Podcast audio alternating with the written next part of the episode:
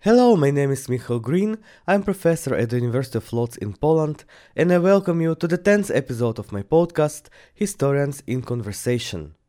My guest today is Professor Jessica Roitman from the Vrije Universiteit in Amsterdam, and I had the opportunity to meet her in person to record this podcast right after her inauguration in Amsterdam. Jessica Roitman is a scholar of Jewish studies, and she has been working in various universities in the Netherlands. Research focuses not only on Dutch Jewry but also on uh, Dutch Jewry overseas and in particular in the various Dutch colonies. I welcome Jessica to my podcast and I hope that you enjoy our conversation. Hello, Jessica, and welcome to my podcast. I'm very happy that you agreed to participate in my podcast, which is the 10th today. Oh, wow. And I'm very glad that we are also taking this conversation in person. Yeah, well, I've been enjoying your podcasts, and I think it's a great way to bring um, the work we as historians do, hopefully, to a broader public or to historians who might not know what we do. You have been recently appointed as professor of Jewish studies at the Vrije Universiteit of Amsterdam. So, first of all, I would like to congratulate you on this very important achievement. Thank you. I've been to your lecture and I recommend everyone to watch it because I found it fascinating. You can watch this lecture on the Vrije Universiteit's website and also in the description that will be provided below this podcast. Thank you. but I would like to come back to the very early stage of uh, your life, to your Sure. childhood. And I always ask my guests about their background. So can you tell a little bit where do you come from? So I was born and raised in Richmond, Kentucky. That's a um, town when I was growing up about 25,000 people. It's larger now. It's in the American Bible Belt. Um, it yeah, my my dad was a professor at Eastern Kentucky University, which was the university that was there. That's why my family was there about there were about six or seven other Jewish families there. Um, we were almost all associated with the university. There were two synagogues about 40 miles away, or 40 kilometers, about 30 miles away in Lexington, Kentucky, a conservative and a reform congregation. Although the conservative wasn't particularly conservative, my family were members of Temple Adath Israel, which was a reform congregation. And so your father was a university professor He already at the time. was. Uh, he was a professor of American history. Ah, so also a historian. Also a historian. It runs in the family, definitely. Do you remember as a child if you were already interested in history? I always loved history. I was always fascinated with history. Um, my mother had also studied art history and archaeology. So it was basically there was no other choice but to be interested in history. Uh, we would go to the western part of the US every summer, camping and visiting archaeological sites, historical sites. So I don't ever remember a time when I didn't think historically or when I wasn't interested in history. What's interested me in history has changed over the years. Um, it's developed over the years. The way I think about history's changed, but that's always been there. Do you remember as a child if you liked some particular books? Because some of the people to whom I spoke previously said that one of the motivations to study history was interest in, uh, for example, in Dumas or in uh, Lord of the Rings or Right. in uh, anything similar to that. Um, I mean, I think so much of my interest in history came from from my family um, that I'm not sure it was really inspired by any books. I liked the Laura Ingalls Wilder Little House on the Prairie books, which are very well known American children's books about the so called pioneers who went to the western part of the U.S. I read them. Um, yeah, so I, I liked those, but they didn't inspire my history or my love of history. I also loved Nancy Drew books, which were just mystery books for young kids. I read a lot. I still read a lot, but no, it really wasn't any book that I read.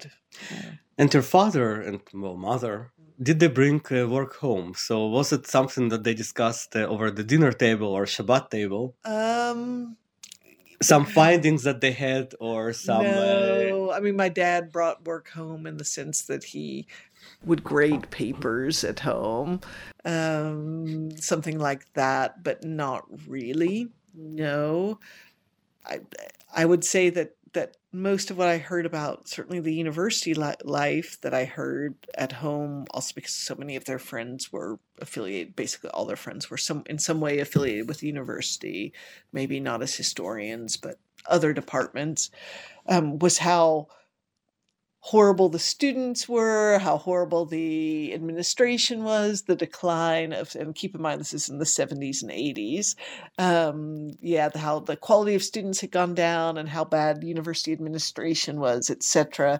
Of course, those are the same complaints that we now, as academics, are are making, decrying uh, uh, the students' administration. So nothing changes, but it obviously didn't deter me from going into this life. So, at what point did you decide that you want to not only that you're interested in history, but you actually want to make a profession out of it? Was it already in uh, at, when you were at school or at a later stage? So, I've had a, a very much a push pull relationship with academia my whole life, having grown up in it. I would decide I wanted to be an academic, then I didn't. So, uh, my trajectory hasn't certainly not been the typical Dutch one. I got my bachelor's, my bachelor's degree in religion, and then I decided that I wanted to travel. So I went to Brazil, I taught English, I traveled around. Then I thought, yeah, I do want to go to graduate school. So I got my master's at Vanderbilt University in Latin American Studies because I loved Latin America. I'd been in Brazil. Um, then I decided, oh no, academia is really, really not for me. I traveled, I worked, I did other things, and then I finally decided, oh yes, actually, academia research is what I want. And that's when I got my position at the University of Leiden when I was almost 32. So that wasn't the typical, still not the typical trajectory, but I'm really glad I had that push pull relationship with academia um, I'm glad I traveled. I'm glad I saw the world. I'm glad I worked in other fields, did other things, because I do think it's given me more perspective than if I'd only been in academia. So let's go back okay. in time and let's get uh, back maybe to your final year at school. Your final year in high yeah. school, prom maybe. Yeah. And then well, the 17 or 18 year old mm-hmm. Jessica yeah. is facing the choice where to study. Yeah. Maybe what to study. Yeah. And how did you decide on that? What were the choices that you were facing at the time? Um, well, you know a lot about the American system. So for me, it wasn't as much about what I wanted to study because I knew that, yeah, I was interested in a lot of things. At that point, I was thinking of English literature, I was thinking of history. I didn't really know um, but in the American system, you do a year and a half or two years of general education anyway. So I wasn't very stressed about what I was going to study. Another thing that is peculiar to the American educational system, I think, is money or lack thereof. So even at the time, this is in the very late 80s, um, I was looking for scholarship money, and that was determining where I was going to go to to university. Um, I knew I wanted to go to a small school. Um, so I was looking at what a small liberal arts college, uh, which ones would give me the most scholarship money. So that that really determined it. Uh, I have no regrets about going to Maryville College, a small private college. Maryville College in East Tennessee. About at the time, about twelve hundred students. Um, really small very small. They only at the time did bachelor's degrees. I got a great education, had fantastic teachers who were very interested in students. It was a real community. I still have friends from that time in my life. So, no regrets. Um, although, you know, especially living in Europe, no one's heard of, of this. They, people only hear of Harvard or Princeton or something. Um, so, yeah, for me, it was really about okay, where can I get a scholarship? Um, and the, only then deciding what I wanted to major in. And did your parents try to influence your choice of not, a college or a place? Not in what I studied. I was very influenced basically by what they wished they'd had. They met at the University of Memphis, which is a much bigger school, a state school, and they both idealized the small liberal arts college. That's the sort of ivy colored, small, um, not even so much elite, but the kind of community that they would have wanted. So I was very much influenced by their ideal. So I never looked at going to a bigger state school or something like that. What I find also interesting is that you mentioned that you were looking for a scholarship, even though you were a daughter of a professor. Well, I don't know how much you think professors make in Kentucky, but it, it wasn't a lot. um, and even then, when education in America was much cheaper than it is now, it was still quite expensive. Um, and my parents could certainly pay for me to go to a state school, a school in, and that's again peculiar to the American system where you um, get lower, you pay lower, less tuition if you go to a school that's in the state where you're a resident. So if I'd gone to one of the Kentucky state schools, they could have paid for it. It would have been a real strain for them, especially having a younger sister who also needed to go to school to pay the tuition for a private university, college or university. Maybe top professors at Berkeley, UCLA, Harvard, Princeton are paid very well, but most professors, especially in chronically underfunded states like Kentucky, West Virginia, Louisiana, are not paid that well. Can you tell a little bit about the study itself? How does a liberal art college work in the States? Yeah, so they, they, they focus on what they call the liberal arts. So those would be things like the humanities, some social sciences, um, hard sciences, but you wouldn't have as many courses like uh, more vocationally or practically focused courses. Um, most liberal arts schools are relatively small comparatively, and most focus on getting a broader education, learning more to think, um, getting more experience with being part of a community, with thinking in analytical ways, and less on the actual um, hard skills acquired, such as you know you come out of it and have a degree in nursing or accounting or some something like that. The idea is more that you study more of the the traditional academic fields and and go on from there. And then when you were done, you were getting a bachelor's degree, and what would be the next step? Well, uh, in general, people usually just go on for to look for a job um, I decided I wanted to travel. I had been thinking of joining the Peace Corps, which is an American um, program to send volunteers abroad. I'd um, interviewed for that. I, I, basically just knew I wanted to travel. I didn't want to go straight on for a master's degree, and I wasn't actually particularly interested in working that much either. I wanted to work to make money to travel. So, so what ended up happening was um, I contacted a Brazilian woman I'd met when I was working on a kibbutz in Israel, when I was um, uh, the, kind of the summer vacation, summer break, which in America are quite long, between my second and third year of college. And we became good friends and um, she had said, "Well, but you can live with my family and um, teach English, and it's fun, and why not?" So that's what I ended up doing. That's how I ended up in Brazil and learning Portuguese and being able to study the uh, the Portuguese Sephardi. Very interesting. But how did you decide then to come back? Because I think that the life in Brazil probably was rather interesting, yeah. relaxed, laid back. Well, yes and no. I mean, I lived in Sao Paulo, which is an enormous mega city. This is even then in the mid 90s.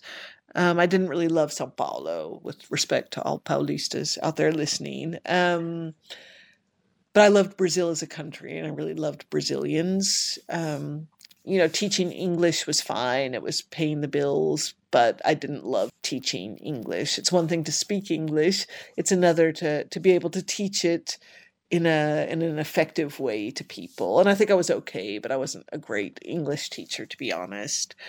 Um, and you know, I was living with my friend's family, and and they were lovely, but it would have been too expensive for me to get my own apartment. But I didn't want to keep imposing on them. And yeah, I was ready to to try something else. So I came back and got into graduate school to do Latin American studies. You got to the Vanderbilt University. Yeah.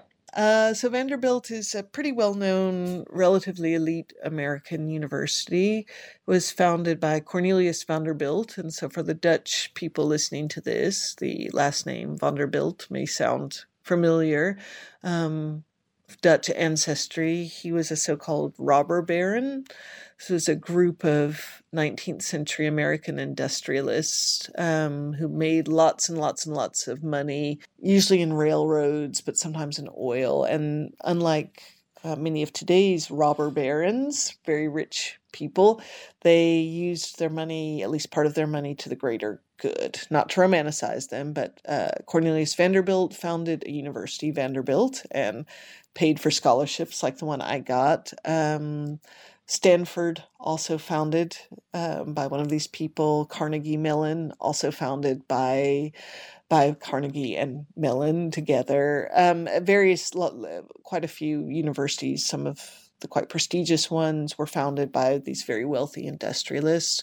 Also, lots of art collections, things that are open to the public. The Huntington Library, uh, where I was lucky enough to spend a, uh, summer at doing research by Samuel Huntington.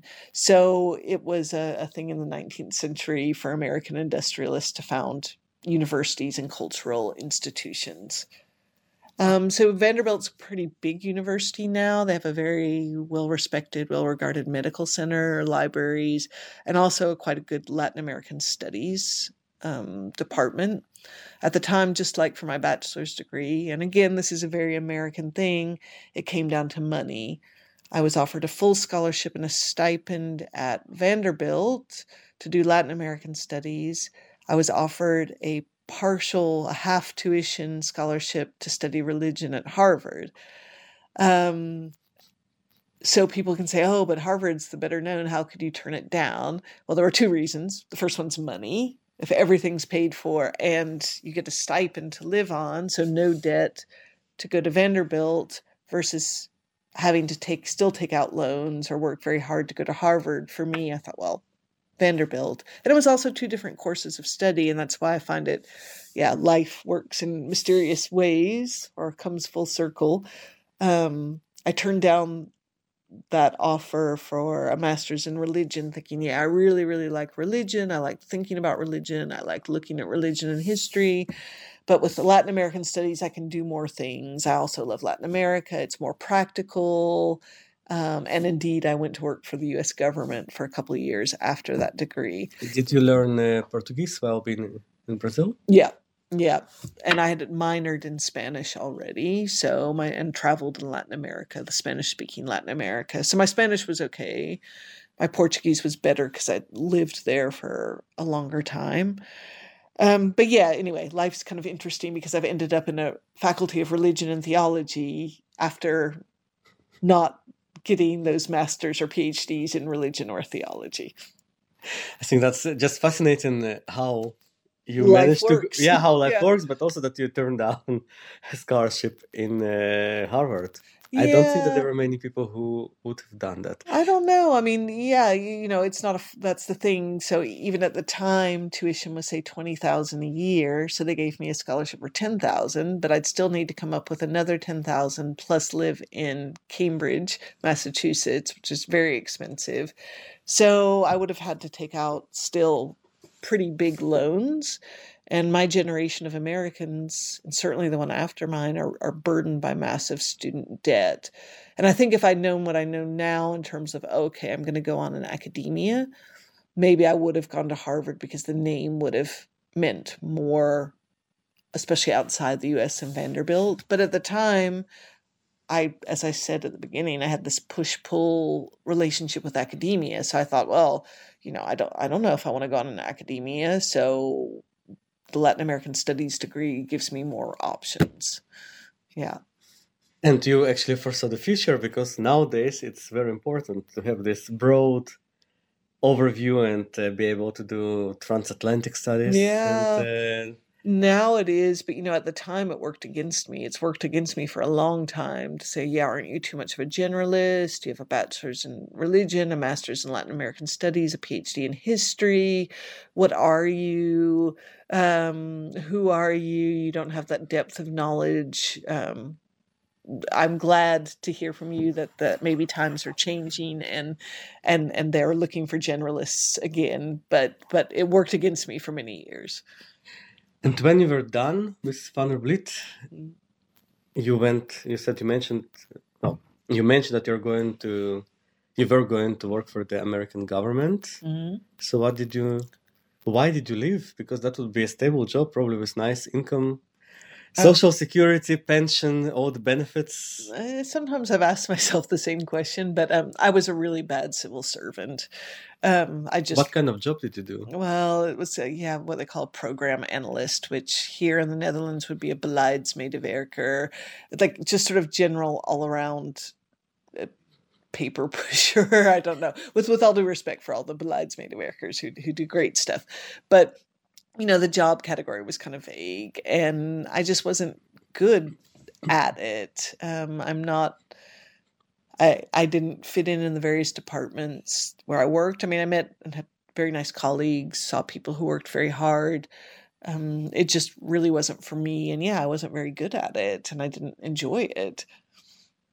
So then you decided that you would do a PhD. Yeah, well, it's been it was a little more complicated than that. I had been traveling before the job started. I had to to wait to start the job with the government, um, and I was traveling in Siberia. So I met uh, Siberia. Siberia on the Trans Siberian Railway. That was in the 90s. That was in the nineties, yeah. And uh, I met a Dutch guy who later became my husband. Um, it's unfortunate we're divorcing now, but it uh, uh, well got me to the Netherlands, and I did my PhD at the University of Leiden, and um, so no regrets there.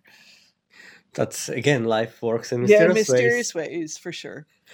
So the choice to go to the Netherlands, well, well, it was not maybe a choice, but then Leiden as a university. Why Leiden? Why not uh, University of Amsterdam, the Vrije Universiteit, where we are seated at the moment, or any other Dutch university? Um, also maybe a bit luck. I mean, I wanted to do history. I saw something um, about the universities of Leiden's what they call advanced master's degree. I don't think that exists anymore.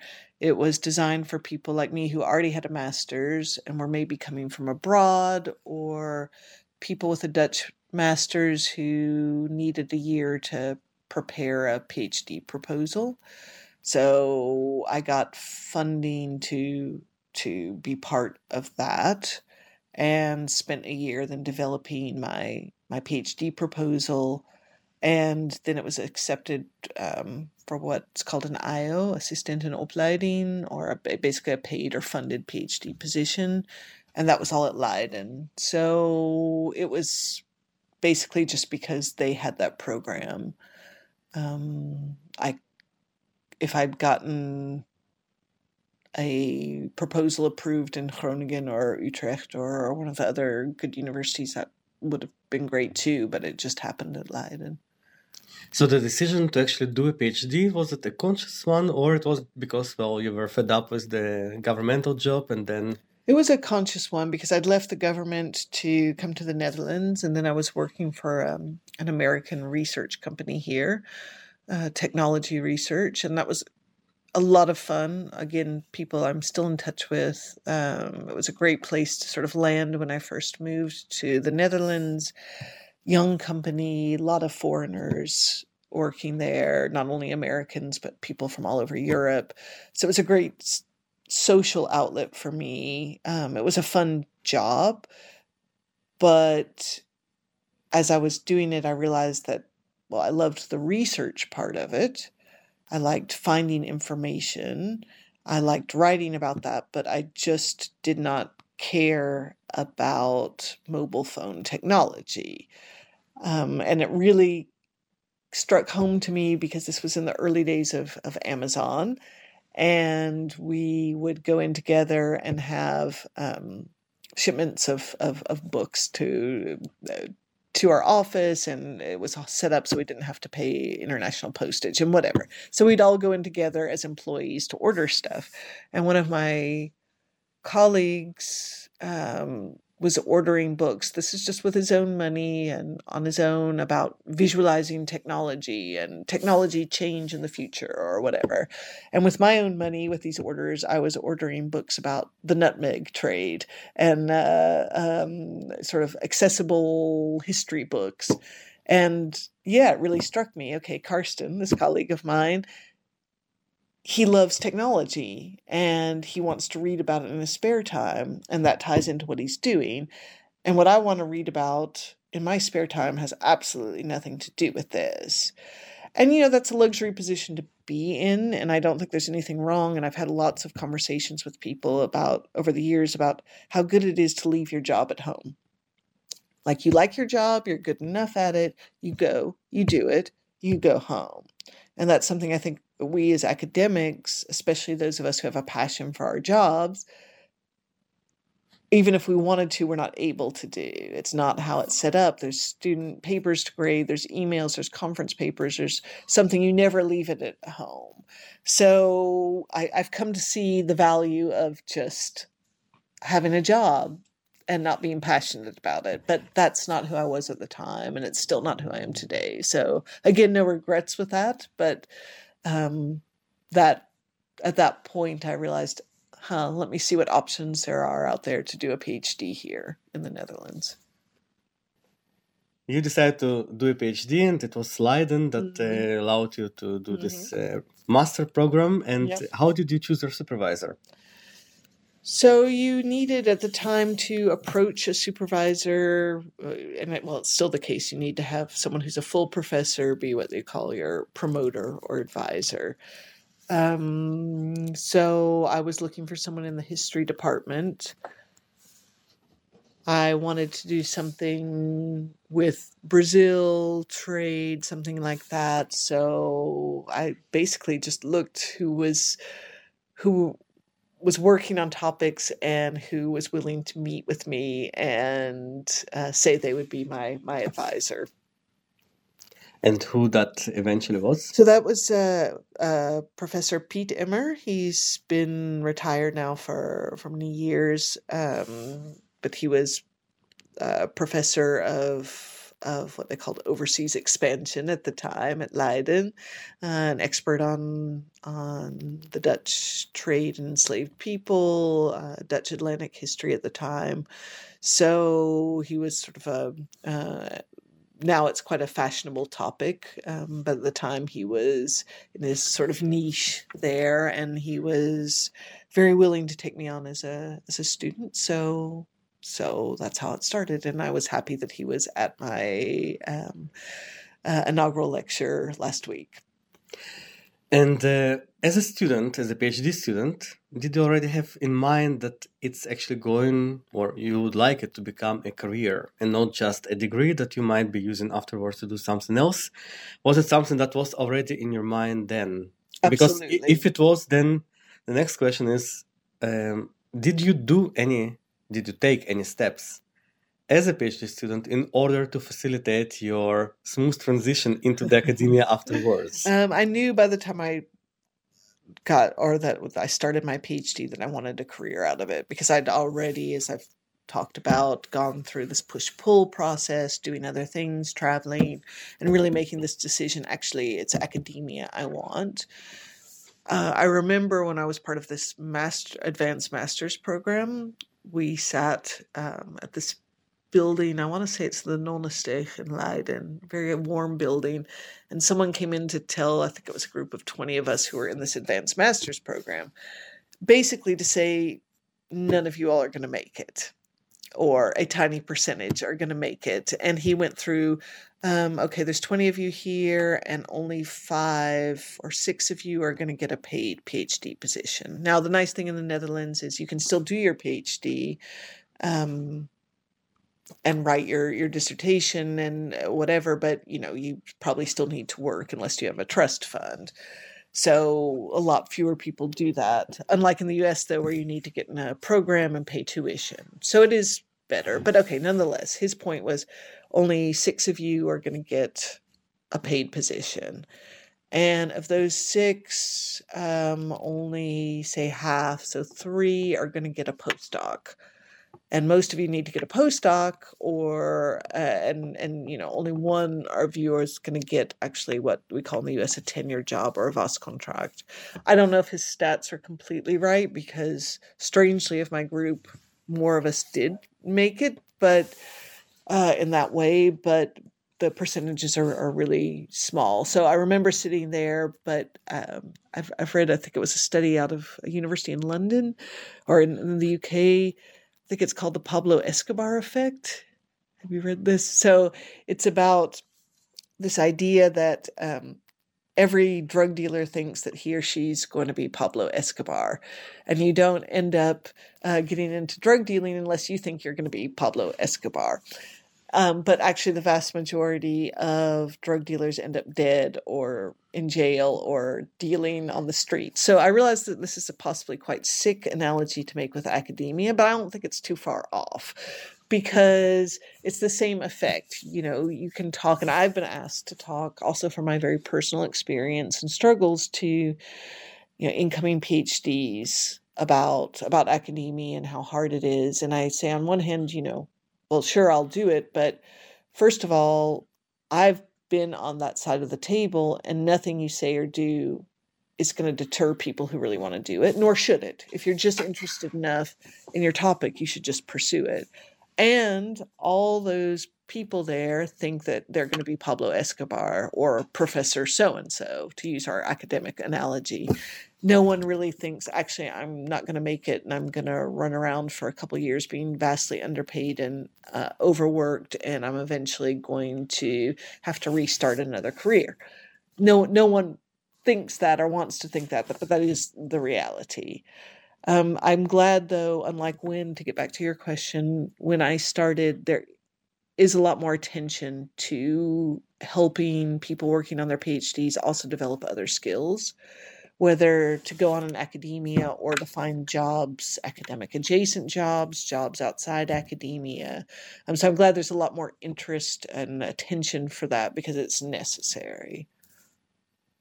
What do you think was the determining factor for you to get your first job after the academia and where it was? So I defended my dissertation. I mean, after the PhD. So I defended my dissertation uh, I got a fellowship to the University of Pennsylvania, um, which was great. The Katz Center for Advanced Judaic Studies. Ivy League. That's one. Yeah, so that was nice. And I applied for a Rubicon grant, which is one of the Dutch Organization for Scientific Research, NWO, and Dutch um, kind of starting grants. At the time, you get money to go abroad so abroad, like a, a non Dutch university for two years as a postdoc.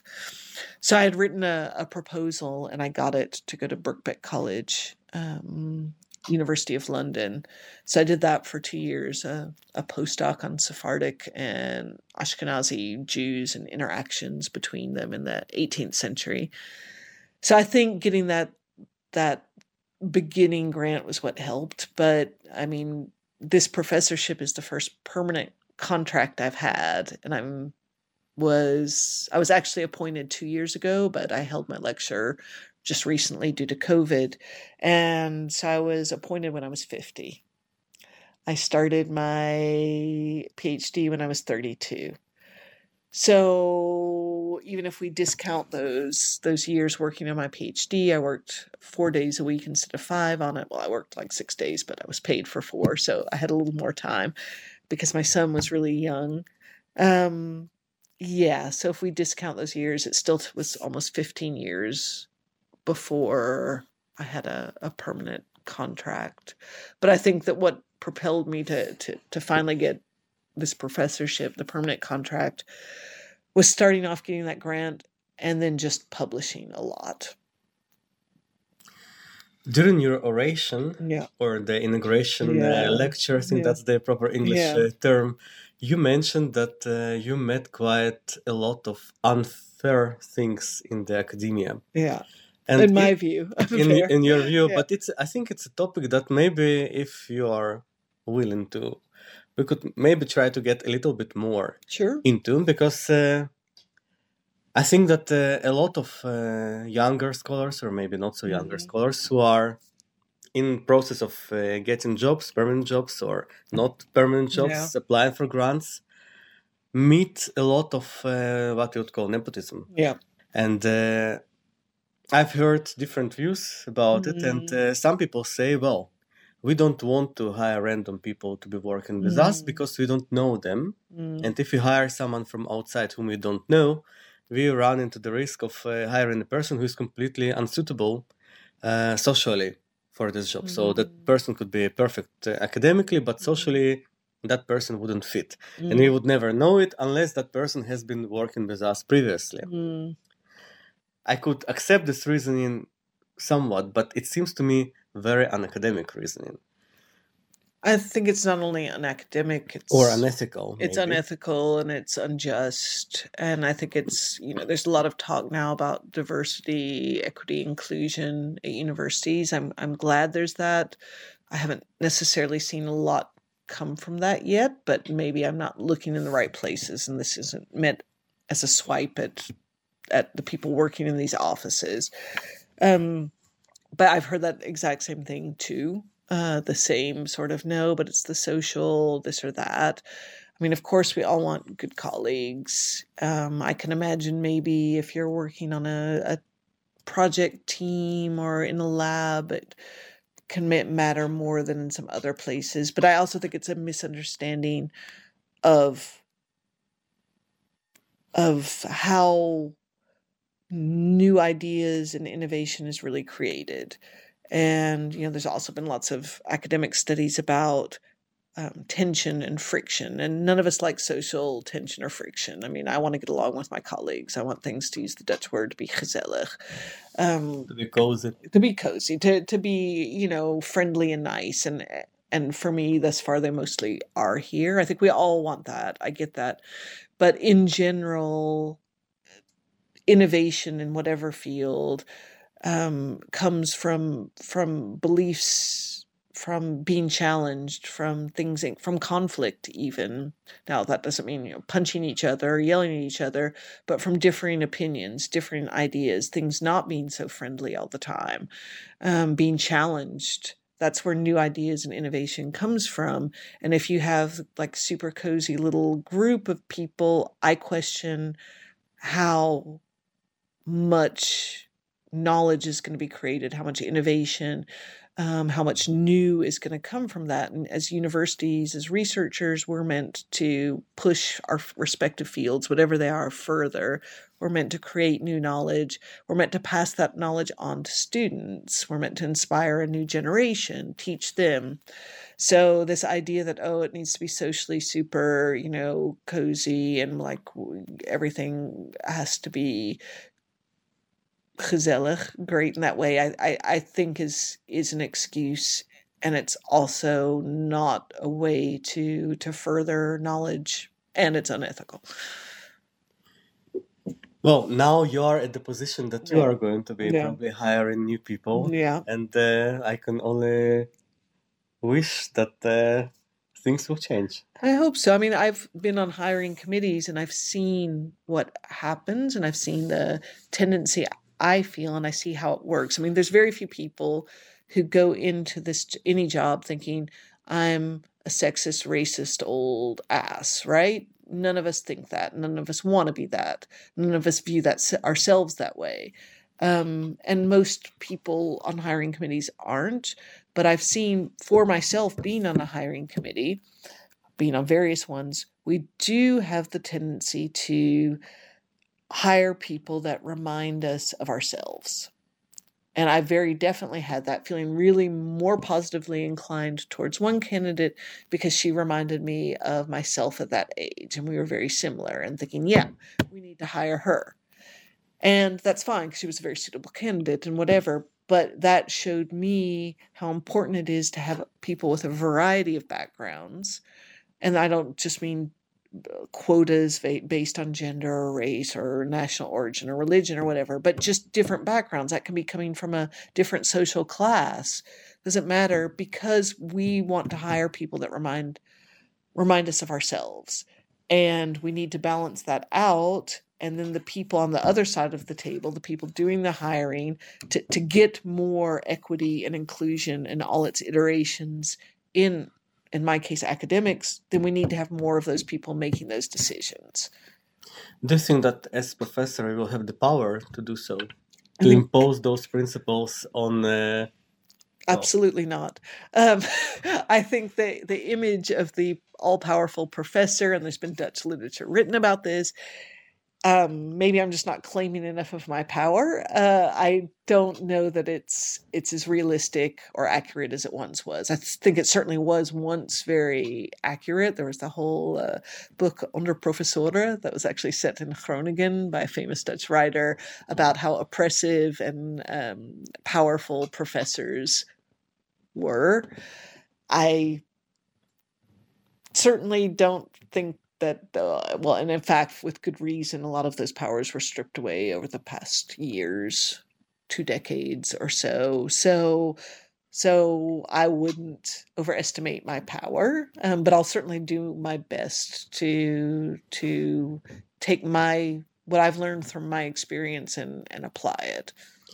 I want to ask you another question, not related to hiring so much, but more about working in the academia. Yeah and uh, you've been to different places and yeah. worked under different uh, people. Yeah. Did you ever have a situation uh, in which uh, you were feeling not very good in your skin working at a specific place? You don't need to say specific the specific name of that university mm-hmm. or the mm. department. Mm-hmm. And if you did, then how did you deal with it? So I've been really lucky to have uh, amazing colleagues. Um, to work in really great places in academia. I mean, there's been places I've worked where I, I've run up against what I mentioned in my inaugural lecture that you know I I felt, and maybe it's not true, but I certainly felt that um, jobs were created for some people and not for others. So in that sense, I didn't feel you know good in my own skin because I felt that there was some underlying inequity, um, underlying injustice. But I actually really liked working, except for that those quite big problems. Um, I, I, really had great colleagues and was challenged intellectually, and and so there's never been a place I've worked in academia where I was uncomfortable, except about how these structural organizational decisions were made, which maybe sounds contradictory, but I've just been very lucky to have great colleagues and teams. The only time working in Dutch academia, and I won't say where it was, that I really just didn't like my job at all. I was actually uh, for two years because all my temporary contracts ran out. I um, worked in what they called academic adjacent jobs, so more administrative. I was a worked as a subsidy or grant officer. So I met a lot of resistance from my colleagues who I think felt that because I was coming in as an academic that they I thought I was superior or they felt insecure or I don't know. So those were pretty miserable experiences, to be honest. Um, not because of the work, which I actually quite liked helping researchers with their grant proposals, with their subsidy proposals. Um, with other academics, I had a, a great time. Um, I just unfortunately, with a few exceptions, with the colleagues there, just it then I was yeah neat lekker my feel. Like I just didn't yeah feel comfortable in my own skin. So you finally reached the goal that mm-hmm. uh, I think almost every person who finished the PhD is driving for. I'm Pablo Escobar. you are you are the Pablo Escobar. In our no, case, I, am not bringing hippos to the canals. I'm not. Uh, You're not driving an Uber. I, I'm. I'm. I, that's true. I'm not. Yeah. Yeah and because I actually met a person who was finishing habilitation in Germany, and yeah. uh, he was very much afraid that if he doesn't get a job, the next job for him would be driving Uber. Yeah, yeah. So yeah. you were successful, yeah. and uh, I would like to ask you how. Could you tell how did you reach the position of uh, professor? Well, I mean, I've been quite honest, and I think that, you know, it makes a lot of people uncomfortable, which is why I say it, because I'm going to use my position to make people uncomfortable, because being uncomfortable is good for us all. Um, I, I, it makes people feel awkward when I'm open about the fact, as I just was, that you know, I was in academic adjacent jobs for several years. I wasn't completely outside academia, but I wasn't working as a researcher, as a teacher, as a something, because I didn't have any more jobs. Uh, yeah, left. I wasn't driving the Uber, but after so many years in academia, no one else and being a certain age no one else will hire you you know as a trainee for a company or something like that and that's the trap we can all fall into but how i got the job um so i well we can talk about my qualifications, which were, of course, excellent. You know, I published tons. I did get grants. I had a lot of big international network. I mean, I did all. I checked all the boxes and more, if I do say so myself. Um, as I said, which again, but is it enough to check all the boxes? absolutely more? not. It's also luck. Um, you know, as I said in my inaugural lecture, also to the shock of some of my colleagues, I deserve it. Um, but a lot of us deserve it a lot of us check all the boxes. We get the grants, we have the network, we publish our hearts out, we go to every symposium, every conference, um, and it still doesn't work out. This was luck. This position was funded um, by uh, partially by the city of Amsterdam with reparation payments. The Vrije Universiteit had wanted someone in Jewish studies for a really long time. Um, so things came together with this position but they could very, very easily not have. So yeah, I worked my myself to death kind of. Um, i did all the things but there was also just a huge element of luck. And i think if most of us are honest now maybe it wasn't this way 30 years ago but now there's just a big element of luck. Sometimes it feels that you don't even need to be a great historian to get a job because great historians they still don't get those jobs. So no. luck is an important element. Absolutely. So now as a professor yeah. uh, how do you see your uh, desk what are you going to do for the students and for the phd students? What is your aspiration uh, well, in yeah. career guiding, guiding, not in uh, science, because you know that you're yeah. a great researcher. Yeah. You will teach them wonderful things of about. Of course, blah blah blah. Of course, I want to write several more books. I hope to get a research team. I can go into that, but what I want to do and what I do see is my um, my obligation is to mentor students, PhDs, um, to try to help them in whatever their goals are. And and one part of that also for me, and again, not everyone was happy with my inaugural lecture because I made it very personal and because I was open about these struggles. But I had people coming up to me, PhDs, masters, almost in tears. And I don't say this to brag because what I said resonated with them. And I think by telling my story, of struggle, and I made it very symbolic and whatever in my lecture of the wilderness and wandering. I hope, no, not everyone's going to luck out like I did and get this professorship, but if there's one thing I can do, well, to help people get where they want to be in academia, but also to know that if they don't, it's not because they weren't good enough. I mean, sure, maybe not everyone's great, but it's not because they weren't good enough. It's because there's very deep structural issues with funding, with financing, with nepotism, um, with with all sorts of implicit unrecognized bias. There's all sorts of structural issues. So that's also what I think I can do to contribute is just, hey, um, it's not necessarily your fault, but also then to help people, especially from different backgrounds, navigate the systems um, whether that's cover letters for jobs, whether that's CVs, whether that's, um, you know, advising to go to this symposium instead of that one, whatever. I mean, I think people have been doing that for a long time. Um, but I want to continue that with the added element of let's acknowledge that it's really hard. I thank you very much for this really interesting conversation and uh, for being so open.